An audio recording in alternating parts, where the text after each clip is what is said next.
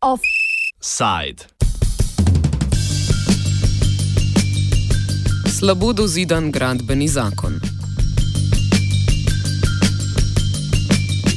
Ministrstvo za okolje in prostor je ob koncu preteklega leta v javno razpravo uvrstilo tri zakonske predloge. Zakon o urejanju prostora, zakon o pooblaščenih arhitektih in inženirjih in gradbeni zakon.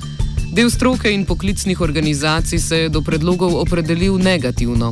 Zbor za oživitev in razvoj slovenskega gradbeništva, krajše ZORK, ki združuje tako raziskovalne in izobraževalne kot tudi poklicne organizacije, pa se je danes ponovno izrazil nasprotovanje gradbenemu zakonu.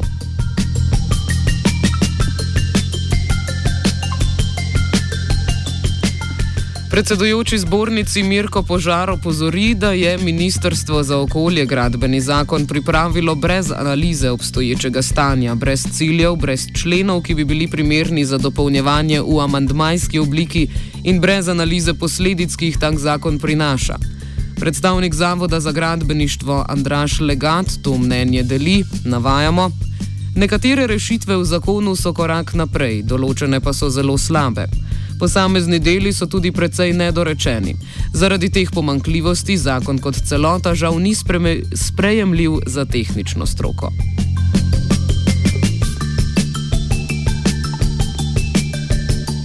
Požar opozori, da bi se lahko ob soočanju argumentov marsičemu izognili, da pa tudi Ministrstvo za okolje pod vodstvom Irene Majcen do danes ni bilo pripravljeno izmenjati mnen s stroko in zainteresirano javnostjo je problem ta, da MOP, Ministrstvo eh, za okolje in prostor, eh, ni bilo pripravljeno po več urgencah na sestanek z nami, ni bilo pripravljeno sodelovati na okrogli mizi, ki je bila razpisana za 8. decembra in smo jo potem eh, preklicali, zato ker eh, sami sebi nijamo kaj dopovedati, ker smo se itak enotni.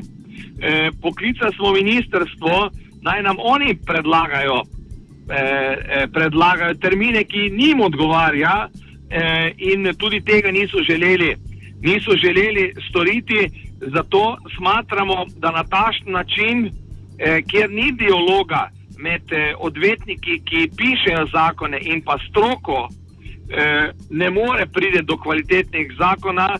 Tako da upajmo, da bodo da bo Ministrstvo za okolje in prostor sprejelo naše pripombe in da se bomo v nadaljnem, nadaljnem tednih in mesecih sedli skupaj in naredili popravek temu, oziroma pripravili takšen zakon, ki bo zagotavljal boljše razmere za gradnjo v Sloveniji. Splošno kritiko zakona je na današnji tiskovni konferenci zbornice podala generalna sekretarka inženirske zbornice Barbara Škraba Flis.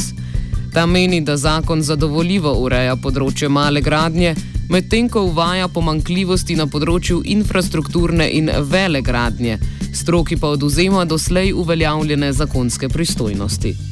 Predlagane rešitve gradbenega zakona so primerne in dobrodošle za enostavnejše objekte, kot so hiše, niso pa žal primerne za infrastrukturne objekte in pa za objekte z vplivi na okolje. Tukaj ministrstvo ni uspelo integrirati okoljevarstvenega postopka v postopek umeščanja v prostor in gradbenega dovoljevanja, kot tudi ne najti primernih rešitev za objekte državnega pomena. Rešitve so škodljive za inženir, pobleščene inženirje vseh strok, zato ker nam vzemajo delo, saj ne bomo mogli nastopati kot vodje projektiranja, nadzorniki in vodje del na vseh vrstah stavb.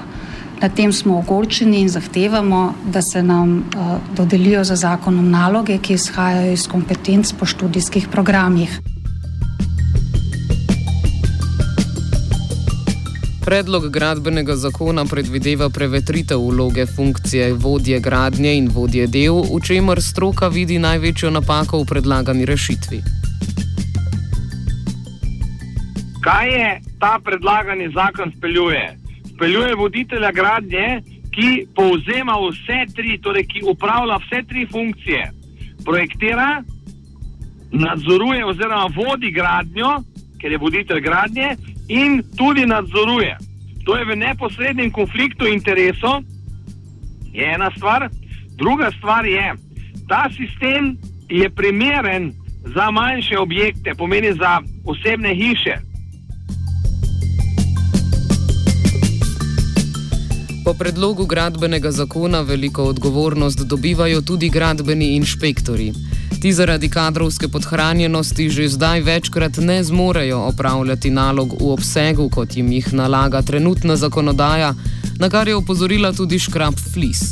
Ob tem je izpostavila vprašljivo strokovno usposobljenost inšpektorjev in dejstvo, da na inšpektoratu novih zaposlitev ni.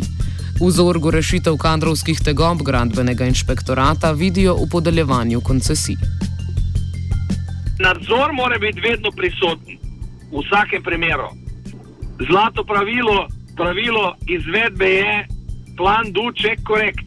Se reče, nadzor mora biti prisoten, mora upravljati svojo funkcijo, mora biti mora imeti pooblastila in mora imeti odgovornosti. Če ima država dovolj resursov, da spelje ta inšpekcijski nadzor, ok. Ampak, če jih nima, mi predlagamo rešitev, da podeli tudi koncesije ali licence torej osebam, ki so strokovno usposobljene za ta nadzor. Offside sta zidela Marcin in Jankovič.